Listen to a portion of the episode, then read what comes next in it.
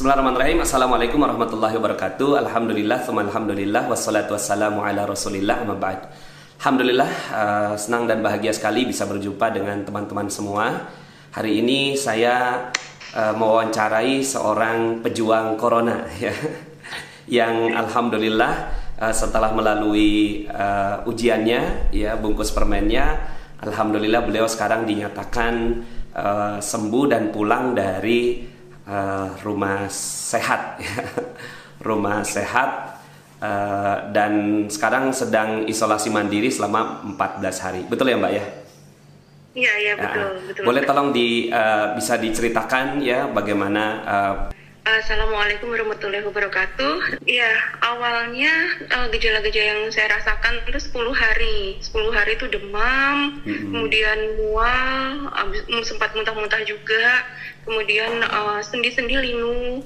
Nah, sampai dengan kemudian uh, batuk batuk uh, terus-terusan. Nah, hmm. kemudian saya mulai uh, curiga, wah jangan-jangan tipes nih.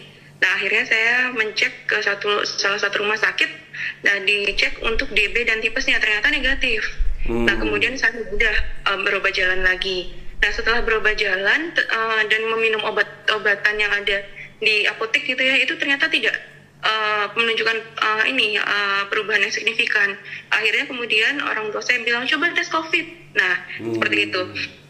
Saya coba tes COVID uh, cari ya uh, yang tes corona itu ternyata tidak mudah. Nah hmm. jadi kemudian saya berkeliling ke banyak rumah sakit ya rata-rata ditolak atau hmm. kemudian rata-rata harus menunggu antrian sampai 3 April. Nah padahal itu tanggal 19 Maret. Itu 19 nah, Maret ya. Sekarang ini kita ya. rekamannya di tanggal 2 April ya. Oke. Okay. Jadi uh, kalau misalnya mengikuti tes di rumah sakit itu berarti baru besok saya bisa ikut tes uh, ininya tes covidnya ya, nah itu swabnya. Mm-hmm. Nah jadi kan mungkin jadi akhirnya uh, berkat bantuan teman, nah kemudian saya diarahkan ke salah satu rumah sakit yang ada di Karawaci. Oke. Okay. Nah di situ kemudian setelah saya ditanya beberapa hal di screening, nah kemudian di sana di uh, cek uh, ini cek darah, cek paru-paru, kemudian cek toraks Nah di sana hasilnya kemudian menunjukkan uh, ini uh, ada ada hal yang uh, tidak normal. Nah kemudian hmm. saya di uh, diagnosis uh, sebagai PDP karena di hasil toraksnya itu ada pneumonia. Hmm. Nah kemudian hasil dari uh, GGO-nya juga uh, itu apa namanya positif gitu ya. Nah jadi kemudian akhirnya saya diisolasi. Dua hari saya sempat waktu itu ngechat Ustadz Nasrullah juga ya yang ya pada saat waktu uh, kondisi tenda isolasi itu masya Allah uh, luar biasa. Itu di isolasinya uh, di, uh, memprihatinkan ya. Hmm, di mana di isolasinya di tenda isolasi di Siloam. Jadi di tenda isolasi itu dua malam di tenda tentara. Oh. dan kemudian tanpa minum tanpa makan tanpa minum harus disupport oleh uh, dari luar. Nah itu berkat bantuan dari CTMR uh, Korwil Banten itu Ibu Anis Rahmawati dan kemudian Pak Yusuf. Nah itu kemudian uh, saya disupport, disupport suplemen, disupport makanan, bahkan bantal uh, sampai dengan selimut itu nggak ada sama sekali. Dan kami tidak boleh keluar bahkan ke ATM pun nggak boleh nggak boleh kontak dengan orang orang luar. Di tenda itu tendanya ditutup rapat tidak ada ventilasi. Hmm. nah jadi kemudian uh, pintu luar pun itu di dihalang-halangi oleh kursi roda supaya kami nggak bisa ke mana-mana. Dan itu sangat panas sekali sampai beberapa orang dehidrasi bahkan hmm. ada yang pingsan. Ada berapa nah, orang di sana? Di satu tenda itu ada berapa orang? Di tenda itu sekitar uh, kapasitasnya 8 orang. Oh 8 orang. Ya nah jadi sampai ada yang kemudian karena saking kepanasannya um, hmm. tiduran di lant, uh, di paving block gitu ya karena kan itu tendanya di luar ya. Di jalanan ya okay. di jalanan. Nah uh, kemudian tapi di sana saya tetap uh, berusaha berbaik sangka ya wah ini bungkus permen. Oh. jadi kemudian di sana selalu wow keren. Itu itu selalu pokoknya yang yang itu eh, nggak uh, ada pikiran negatif sedikit pun waktu itu. Nah jadi tetap kemudian uh, saya mengucapkan ya itu la ilaha illallah al malikul hakim mubin ya Muhammad Rasulullah sallallahu alaihi itu itu aja terus. Sampai akhirnya saya uh, memberanikan diri untuk mencet uh, itu uh, chatting dengan Ustadz Nasrullah ya waktu itu. Alhamdulillah. Kemudian uh, setelah dua hari di tenda kondisi saya semakin drop. Nah itu karena kurang ventilasi juga saya, hmm. akhirnya saya punya asma. Itu sesak yeah, jadi yeah. pada saat sudah sesak nah kemudian di sana kebetulan di uh, mal, di malam kedua itu saya dipanggil oleh dokternya. Jadi kemudian ya udah berobat jalan aja di rumah. Saya hmm. sempat uh, heran loh. Satu saya PDP, suami saya juga PDP, kok kemudian suruh keluar gitu. Nah, jadi kemudian tapi uh, tidak ada yang kebetulan. Pasti kemudian ini atas izin Allah ya udah hmm. akhirnya saya keluar. Tapi saya nggak berani ke rumah. Allah. Karena saya nggak berani ke rumah, hmm. karena saya sadar statusnya PDP, kan yeah. harusnya dalam pengawasan sampai hasil swab keluar. Hmm. Nah jadi kemudian saya juga nggak berani ke Bandung, karena di Bandung anak-anak saya sudah dititipkan di Bandung nanti saya kalau PDP khawatir menulari orang tua saya dan anak-anak saya jadi akhirnya dari jam 11 malam sampai jam 5 pagi saya nunggu di mobil hmm. tetap yang menguatkan menguatkan saya itu istighfar dan kemudian selalu berzikir, nah itu yang menguatkan saya. Iya. Uh, suami PDP juga? Suami PDP juga. Allah. PDP juga. Itu gimana ceritanya? Kok bisa dua-duanya kena PDP itu? Ada nah, cerita apa saya, keluar dari dari mana gitu?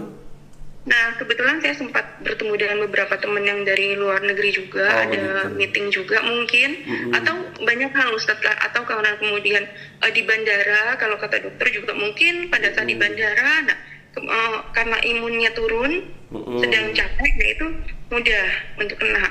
Yeah. Jadi banyak hal sih. Nah, jadi tapi kalau teman-teman saya yang dari Singapura, yang dari Australia itu sehat-sehat aja sampai sekarang. Mm-hmm. Nah, jadi memang ya udah atas izin Allah. Iya, iya, iya. Nah, kemudian setelah kemudian, dari situ dari apa eh, tenda itu, kemudian setelah itu ke setelah dari tenda saya ke mobil ke selama mobil. jam 11 sampai jam 5 pagi saya masih berpikir ini gimana ya jam 11 malam mobil nggak berani ke mana-mana jam 11 malam nah, jam 11 malam sampai jam 5 pagi sampai jam 5 subuh. Akhirnya saya Terus suami di mana suami? Saya ingat saya punya saya punya saudara yang dokter do, di dokter di Surabaya. Mm -hmm. Saudara sepupu saya coba chat. Saya kemudian uh, tanya kok saya PDP saya uh, bisa keluar, saya malah disuruh keluar gitu. Nah, kemudian saya coba uh, ini ini hasil scan saya paru-paru saya, saya sehat nggak? Kalau misalnya saya sehat, saya mau ketemu sama anak-anak saya gitu karena udah kangen. Mm -hmm. Nah, jadi kemudian itu tanggal uh, berapa itu? Ya. Tanggal berapa? Dua hari hari ketiga. Hari ketiga. Hari ketiga. Berarti tadi tanggal 21 lah ya. Ya, iya. Mm. Nah, jadi kemudian setelah uh, sama uh, oleh saudara sepupu saya yang dokter itu dicek. Uh, wah, jangan keluar. Ini ada GGO, ini mm. kemudian ada pneumonia, viral pneumonia. Mm. Ini merupakan ciri khas dari COVID-19. Jangan ke mana-mana, bahaya gitu. Nah, jadi kemudian minta aja dirawat lagi tapi kan nggak memungkinkan ya kan hmm. karena saya udah disuruh keluar nah jadi akhirnya sebentar saya kontak dulu dengan uh, teman-teman saya yang, yang dokter akhirnya di share di WA grupnya para dokter itu nah para dokter juga menyarankan jangan keluar jangan keluar harus segera dirawat nah hmm. jadi itu saya, kondisi saya udah karena uh, ventilasi yang kurang tadi uh, asmanya mulai kambuh itu mulai sesek hmm. nafasnya udah mulai pendek nah jadi akhirnya saya kemudian diarahkan alhamdulillah itu ada salah seorang dokter yang merupakan dokter di RSPI Sulianti Saroso di grup itu. Hmm. Akhirnya kemudian menyarankan, ayo cepat ke Sulianti Saroso dan kemudian di sana langsung ke uh, eh, IGD. Nah jadi akhirnya alhamdulillah saya itu suami saya dalam kondisi PDP juga, dalam kondisi masih demam, lemas juga itu. Oh. Akhirnya nyetir dari Karawaci, Siloam Karawaci itu sampai dengan ke Sunter Sulianti Saroso. Waduh jauh juga itu ya? Jauh. Berapa satu jam lebih ya? Iya kayaknya nggak nyampe-nyampe gitu ya Ustaz. Allah. Nah, jadi akhirnya sampai sana ya alhamdulillah. Nah jadi kemudian banyak sekali yang di sana memang dan rata-rata sudah membawa hasil ronsen, hmm. kemudian hasil cek darah. Jadi hmm. semuanya itu rata-rata udah suspek lah gitu, suspek COVID gitu. Nah jadi kemudian saya di sana kemudian uh, terus dibantu oleh dokter di RSPI Sulianti Saroso itu sampai dengan dicek di IGD, eh, hmm. dicek dulu sama dokter paru kondisinya dan kemudian di situ ada resumenya nafasnya sudah pendek-pendek, sudah lemas dan kemudian sudah uh, asmanya kambuh gitu ya. Nah, kemudian saya diarahkan ke IGD. Nah, jadi di IGD uh, baru kemudian setelah satu jam di IGD saya memperoleh uh, kamar perawatan di ruang isolasi dan saya baru tahu ternyata kamar yang ada itu hanya 10 dan kemudian diperebutkan oleh 90 orang yang waiting list saat itu hari itu. Allah. Itu oh, luar biasa. Nah jadi kemudian uh, itu berkat doa sih. Saya nggak nggak putus itu kemudian zikir itu terus. Uh, nah itu saya kemudian alhamdulillah setelah di sana uh, di ruang isolasi itu saya diinfo kalau misalnya suspek suspek COVID-19. Nah, berarti itu tanggal jadi, 21 ya, pagi ya? Iya, ya tanggal 21 pagi. Mm -hmm. Sampai dan kemudian hasil di swab lagi, swab itu sampai dengan uh, tiga kali Mm -hmm. swabnya. Nah, cukup lama keluar ya. Nah, jadi akhirnya kemudian sambil uh, selalu diobatin terus gitu ya. Nah, nah, tapi kondisi masih lemah, masih kemudian pakai inhalasi, inhalasi tiga kali sehari, Allah. dan kemudian juga uh, oksigen 24 jam. Nah, itu infus itu kiri kanan. Allah. nah, jadi ya udah tapi alhamdulillah nggak ada sedikit pun terbersit uh, apa yaitu hal-hal yang negatif itu nggak ya udah diterima aja ikhlas pasrah gitu ya berserah nah jadi itu kemudian pasang infus itu uh, berapa hari itu? Infusnya Infusnya di kanan kiri itu berapa hari? iya oh se- sepanjang uh, itu sampai dengan keluar Sampai keluar ya? Dari tanggal Iya, 21 sampai ya keluarnya keluarnya saya baru kemarin keluar baru kemarin berarti tanggal 1 April ya. Berarti Iya. lebih kurang 10 hari pakai infus ya? Pakai infus terus. Nah infusnya tiga, tiga cairan dua cairan botol kuning katanya antibiotik ya. Mm-mm. yang begitu masuk itu karena cairannya pekat itu aduh Mm. sakitnya luar biasa.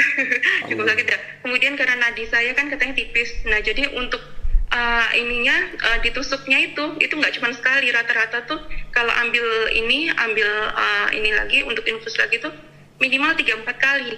Untuk tusukan baru ketemu. Allah. nah. Kemudian Nah, ventilator itu- dipakai terus juga? Kenapa Ventilator. iya ventilator terus 10 hari itu eh, juga apa, ya? Yang ini apa namanya 24 jam oksigen. Allah. Nah, iya. nah jadi kemudian saya juga di sana uh, karena ruang isolasi itu betul-betul sangat tertutup. Mm-mm. Nah jadi yang bisa yang bisa saya lakukan hari pertama hari kedua tuh um, sampai hari ketiga ya saya um, mendengarkan murotal 24 jam. Allah. Nah, jadi setelah- Tapi masih bisa masih Nah, bisa jadi- komunikasi. Pegang handphone. Megang handphone. Tapi kan kalau misalnya handphone tetap saya uh, hidupkan, tapi Hmm. murotal juga saya setel terus 24 jam. Ya untuk menemani saya karena di kamar isolasi sebelah itu kedengaran. Jadi kalau misalnya ada pasien yang teriak-teriak, ada yang muntah darah, Allah. ada yang kondisi kondisinya kritis, nah itu bikin cukup bikin ngedrop. nah akhirnya kemudian saya juga oh, udahlah baca-baca aja karena semakin lama semakin saya lihat eh, ini media sosial kan isinya corona semua. Mm-mm. Nah itu semakin ngedrop malahan Makin apalagi ngedrop, saya ya. memperoleh kabar salah satu teman baik saya suaminya itu eh, meninggal karena Hmm. corona. Nah jadi semakin ngedrop. nah tapi akhirnya kemudian ya udah arahkan ke hal-hal yang positif ya udah akhirnya banyak ngaji banyak mendengarkan murotal sambil tetap eh, yang akhirnya saya saya buka apa ya yang saya lakukan ya? Akhirnya kemudian eh, ini eh, buka em, Al-Quran ya Garpu Tala itu. Nah jadi kemudian pas eh, sebelum buka, buka Garpu Tala itu em, saya ini dulu apa namanya lihat kajian magnet rezeki tapi kemudian saya berpikir aduh ada nggak ya pengobatan yang ini pengobatan corona ini? Nah eh rupanya Allah mendengar doa saya nggak lama kemudian eh, dapat WhatsApp waktu itu dari Bu Anis Rahmawati itu ya. Nah itu tapi waktu itu belum berupa video ya yang tentang vaksin corona. Mm-mm. jadi bilang Mbak Diva tolong dibaca ini. Itu ini tulisan saya ya itu ya. Nah, kemudian setelah kemudian saya baca, alhamdulillah kemudian Ustadz waktu itu eh, ini menjawab ya, menjawab chat saya. Dan Allah. kemudian membimbing langsung kan, membimbing langsung saya untuk kemudian eh, ini apa em, coba buka garpu talanya apa. Nah, garpu talanya itu alhamdulillah bagus semua kan ayatnya. Mm, mm, Ya udah. Nah, jadi kemudian eh, saya yakin sekali udah ini kalau Al-Quran itu pasti benar. Garpu talau sudah beberapa kali saya terapkan itu alhamdulillah Tepat, ya. benar semua. Iya. Nah, jadi ya sudah dengan kemudian memohon ridho Allah. Nah, kemudian eh, setelah menerapkan langkah-langkahnya, jadi kemudian ada aqua, aquanya masih tersegel ya udah saya saya itu ya udah eh, masih dalam segel tapi saya doakan Mm-mm. itu dengan garpu tala itu. Iya. Nah, jadi itu pada saat tiga hari ya Ustadz sebelum keluar. Mm-mm. Nah, jadi pada saat dari pertama masuk sampai enam hari, hari ke-6 itu kayaknya masih drop aja. Drop aja ya. Tapi setelah kemudian di Ustadz Nasrullah itu kan hari Senin ya kalau nggak salah Mm-mm, mm-mm. chatnya. Nah, jadi pada saat baru hari Senin itu kemudian saya menerapkan ini uh, garpu tala itu yang Iya, kemudian iya, dibimbing iya. oleh Ustadz. Kemudian saya minum aja. Nah di hari Senin itu baru kali itu saya bisa tidur nyenyak. Allah. Nah, biasanya setiap hari itu kebangun tiap satu jam kebangun. Nah kebangun tuh pusing sekali lemes sekali Ya gitu. Tapi alhamdulillah setelah kemudian uh, saya coba uh, ini minum air dari Garpu Talif padahal airnya air biasa air mineral biasa Mm-mm. yang 1500 uh, itu ya mililiter itu ah. nah jadi kemudian saya ucapkan itu terus nah jadi kemudian saya minum saya yakin insya Allah. Allah memberikan kesembuhan nah jadi alhamdulillah bisa tidur nyenyak dan besok paginya bangun itu loh kok batuknya berkurang ya gitu. Jadi kemudian sesaknya juga pada saat dokter tanya masih sesak nggak? Udah nggak sesak. Oh ya udah kalau gitu inhalasinya udah mulai dilepas ya supaya nggak ter- eh, ketergantungan gitu. Oh ya udah inhalasi mulai dilepas tapi masih tetap pakai infus Mm-mm. dan masih tetap pakai eh, ini oksigen 24 jam. Nah setelah kan saya merasakan oh ini udah mulai enakan dan kemudian wah jadi saya langsung semangat sekali untuk menerapkan terus itu setiap bahkan kalau misalnya airnya itu sebelum sebelum diminum saya doain lagi saya doain lagi dengan ayat yang sama. Iya, iya. Nah, iya. Boleh tahu nggak surat ayatnya berapa? ayatnya ah, ada di ada di chat eh, itu Ustaz. Nanti deh saya masukin ke ke videonya deh Oh, ya. ya. Ah. Ya. Iya, itu nanti. Dan kemudian setelah uh, saya minum di hari Selasa, nah itu dokter periksa lagi. Nah, uh, habis itu dokter heran loh, kok udah nggak sesak? Subhanallah. Udah nggak batuk lagi? nah, jadi itu alhamdulillah iya dikit-dikit aja batuknya gitu. Oh iya bagus bagus. Nah, dokternya seneng mm-mm. karena baru hari Senin di info kalau misalnya positif kan, Iya. harusnya kemudian hari Selasanya progresnya masih masih ini masih belum bagus gitu nah kemudian ya udah lanjutkan lanjutkan aja ininya obat-obatannya Mm-mm. tapi saya yakin obat-obatan ya sebagai penunjang nah itu eh, kalau kalau yang untuk vaksin corona itu nah saya yakin itu kebesaran Allah itu. Allah. nah sebagai syifa. Nah jadi kemudian hari kedua semakin membaik akhirnya pada saat waktu pagi, eh, pagi hari di hari ketiga dokternya langsung bilang ini hasil swab testnya yang terakhir sudah keluar. Eh, ini negatif ya. Kalau misalnya negatif kondisi paru-paru baik dan kondi, eh, tes darah baik jantung baik boleh keluar dari rumah sakit. Saya langsung bengong saya kira itu masih seminggu lagi di situ Ya setelah di positif gitu. Nah jadi ya Allah itu langsung saya sujud syukur. Nah jadi di, di kasur langsung sujud syukur. Nah jadi kemudian sambil saya deg-degan juga ini nanti hasil paru-parunya gimana hasil jantungnya gimana. Karena katanya obat eh, itu yang eh, satu kloroquine ya itu bisa mempengaruhi jantung. Nah jadi saya dicek jantung dua kali. Mm-mm. nah, kemudian eh, Jadi malah itu obat-obatan yang itu malah malah takut ya dikonsumsi ya. Iya.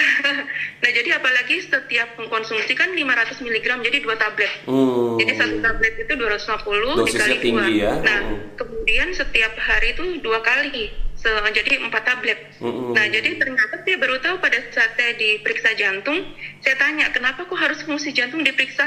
Iya, karena obat kloroquine kan keras. Allah. Nah, jadi saya baru tahu. Nah, jadi akhirnya pada saat waktu hari Selasa itu eh, sehari Rabu pagi ya, hari Rabu pagi di info dokter seperti itu, ternyata alhamdulillah Rabu eh, sore ya. Rabu sore itu saya kemudian waktu saya chat ke Ustadz, Ustadz alhamdulillah sudah membaik kondisinya gitu ya. Dan sudah kalau misalnya bagus semuanya boleh pulang. Nah, itu ternyata eh, setelah makan eh, ya pada sore hari itu mulai eh, ini suster datang, suster datang kemudian eh, lepas infus ya Mbak. Nah, udah mulai dilepas infus. Nah, kemudian eh, lepas ini lepas oksigen. Mm-mm. Nah, jadi kemudian saya tanya, suster saya boleh pulang nggak gitu? Ya nanti setelah lihat hasilnya ya hasil parunya dan lain-lain gitu. Nah, jadi alhamdulillah em, jam 6 sore ya itu diinfo Allah. bahwa misalnya eh, semua hasilnya baik, Mm-mm. normal semua dan diperlihatkan kondisi ronsen sebelum dan sesudah tadinya Mm-mm. penuh dengan flek gitu paru-parunya sebelum dan kemudian Mm. eh, pada saat sesudah itu bersih bersih betul-betul bersih. Ada ada ada Nah, ininya nggak? Ada fotonya nggak nanti? eh, Ada ya? ada ya. Nanti bisa di share ke saya. Ya, Jadi yang dari flagnya banyak, dari bersih ya. Ya, before after ya, nah rekam medis pun ada di sana. Nah, jadi kemudian ada tulisan pneumonia, viral pneumonia gitu. Nah, Hmm. alhamdulillah kemudian setelah eh, ini langsung kemudian disuruh kemas-kemas karena akan dipakai oleh pasien yang yang, lain lain. juga ya. Iya. Iya. Jadi alhamdulillah dokter bilang ini penyembuhannya cepat sekali. nah, jadi uh, ya itu dokter juga sempat uh, heran juga tapi seneng karena kalau terlalu terlalu lama kan juga kasihan pasien-pasien iya, yang lain dan, akhirnya alhamdulillah bisa isolasi mandiri di rumah selama 14 hari. Ibu ngajarin nggak ke pasien-pasien yang dekat-dekat situ? Itu isolasi Ustadz. Oh, nah, jadi bahkan oh. untuk komunikasi pun nggak bisa. Ya Allah. Pintu itu tutup rapat. Ya Allah. Jadi kemudian kami itu bisa berkomunikasi lewat suster itu hanya lewat CCTV. Dan jadi mencet tombol, kemudian lewat CCTV uh, eh, lewat ada speaker di atas di di atap ya di ceiling. Nah, jadi nanti pada saat uh, suster tuh uh, memantau lewat CCTV Nah, karena kalau misalnya suster masuk ke dalam kamar isolasi, kan mereka pakai APD lengkap. Yeah, yeah. Nah, jadi nah APD lengkap itu harus kemudian pada saat masuk ke kamar saya misalnya, setelah keluar dari kamar saya itu harus dibuang. Mm. Nah, jadi kalau misalnya ada beberapa suster misalnya, misalnya uh, kita uh, itu terus apa mencet bel terus susternya bolak-balik itu berarti berapa kali mereka harus ganti baju dan uh, ganti, ganti baju APD dan dibuang dan mereka setelah itu harus langsung mandi lagi jadi bahkan suster bilang saya sampai 10 kali mandi. Allah. Jadi sampai ada yang suster-suster itu udah mulai pilek-pilek ya. karena kebanyakan mandi katanya. Oke, okay. ini uh, pesannya apa nih buat teman-teman yang menyaksikan video ini gitu ya? Ibu ada pesan-pesan buat teman-teman kan sekarang juga kan banyak nih pasien-pasiennya ya dan juga ya. yang ada juga yang masih sehat begitu ya? Iya ya. Nah, um, pesan saya sebenarnya kalau misalnya uh, virus corona itu kan sebetulnya imun ya, imun kita tergantung imun, imun kita. Ya? Ah, okay. Kalau imun kita lemah, nah itu virusnya masuk. Okay. Tapi kalau imun kita kuat, itu imunnya imunnya akan naik gitu. Yeah, nah, yeah. jadi kalau misalnya yang uh, pertama sih hindari hal-hal yang negatif, okay. pemberitaan-pemberitaan negatif. Oh, gitu jadi ya. malah berita ya. Jadi iya. hindari ya berita-berita yang nggak bagus ya. Iya. Nah, termasuk juga uh, ubah kata-kata Mm-hmm. Nah, mengubah kata menjadi yang lebih positif. Kayak mm. waktu saya dibilang, wah saturasinya rendah sekali gitu. Nah, itu kan saya langsung, oh saturasinya belum naik. nah, jadi kemudian juga. Ini ilmu magnet rezeki yang berjudul disiplin kata ya? Ya, disiplin kata. Disip, uh, uh, kemudian ini uh, tensinya tinggi sekali, sampai 150 kan Ustadz waktu itu, padahal saya biasanya 90. nah, jadi kemudian, wah tensinya belum normal. Nah, mm-hmm. jadi uh, wah uh, kemudian ada teman saya yang bilang masih sakit ya oh enggak saya belum sehat ya nah jadi selalu saya ucapkan itu ya, nah ya, jadi ya, kemudian saya bersyukur terus bersyukur dalam setiap kondisi Nah, jadi kemudian bersyukur, kemudian saya bisa memperoleh rumah sakit di tengah eh, orang-orang belum bisa memperolehnya gitu sampai dengan 10 kamar diperebutkan oleh 90 orang, bersyukur saya bisa masuk. Bersyukur kemudian saya bisa punya uh, teman-teman yang mensupport oh. saya. Bersyukur saya bisa uh, punya orang tua yang bisa menjaga anak saya dikala suami saya dan saya lagi sakit ya. Bersyukur juga saya pas membaca dan, uh, eh, dan kemudian uh, itu tadi vaksin corona tadi. Mm-hmm. Nah, jadi kemudian saya bisa langsung menerapkan dan alhamdulillah itu melalui wasilah Ustaz Nasrullah itu. Iya, Allahumma sholli ala Jadi uh, tulisan saya atau video saya berjudul vaksin corona ini sangat direkomendasikan sama Ibu ya. Iya, hmm. sangat direkomendasikan. Saya juga udah share ke juga di Facebook, hmm. udah share juga ke uh, teman-teman ya seperti itu. Suami bagaimana suami sekarang? Suami alhamdulillah juga membaik Ustaz. Nah, jadi kemudian kami berubah sudah suami lebih dulu pulang. Nah, ya Suami Garputala juga? Ya? Suami Garputala juga? Iya, Ya, nah jadi kemudian suami malah lebih dulu garpu tala.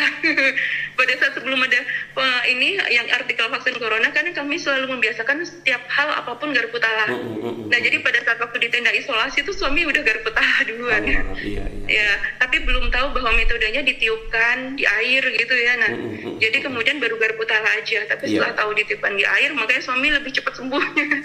Nah, tapi itu yang uh, progresnya tiga hari, hanya tiga hari aja itu uh, membuat ya tim dokter juga uh, senang gitu. Seperti okay. itu. Sekarang berarti belum ketemu anak-anak ya, karena 14 hari ya di isolasi ya? Belum, masih 14 hari lagi. Sekarang Allah. masih isolasi mandiri ya, jadi ya um, bersabar dulu.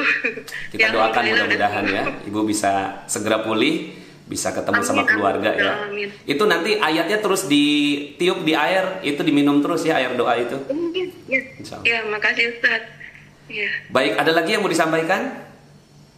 Uh, selalu berpikir positif, selalu melakukan disiplin kata, karena itu betul-betul uh, salah satunya disiplin kata itu uh, betul-betul bisa mengubah kondisi pikiran kita, hati kita, bahkan sampai fisik kita pun itu berubah Allah. seperti itu. Dan kemudian zikir selalu berzikir. Nah saya sampai nangis itu pada pada saat zikir karena ingat pada saat waktu di camp, camp pada saat di Jogja dan kemudian pada saat di Bogor itu juga saya masih ingat. Nah jadi saya um, state-nya itu pada saat waktu uh, saya nggak merasa di rumah sakit, tapi saya tetap merasa di camp itu dan merasa bahwa ada Ustadz Nasrullah di depan uh, pada saat sholat malam. nah itu memandu untuk kemudian mengucapkan zikir seperti itu. Nah itu mungkin teman-teman perlu ya. Ini saya bacakan zikirnya ya. Jadi yang dibacakan sama ibu. لا إله إلا الله الملك الحق المبين. محمد رسول الله. صادق الوعد.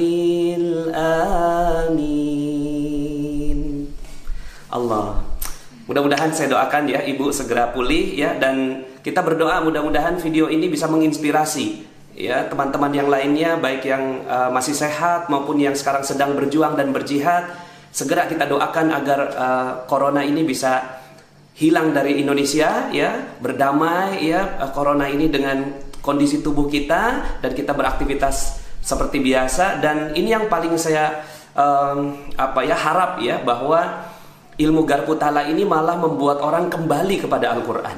Kita akan buktikan bahwa Indonesia, Malaysia, Nusantara ini ya uh, akan menjadi anomali. Di saat semua orang pada uh, panik ya kemudian di saat semua orang pada tidak mendapatkan vaksin tapi kita sudah duluan mendapatkan vaksin. Tanda petik ya vaksin dari Allah Subhanahu wa taala. Baik Ibu terima kasih banyak ya Ya, Salam kasih, pada keluarga ya. Semoga Ustaz Nasrullah dan keluarga serta keluarga besar komunitas Magnet Rezeki sehat-sehat semua. Amin. Ya amin, dijauhkan amin. dari virus corona ini. Uh, tentunya dengan uh, melakukan vaksin corona ya. ya itu.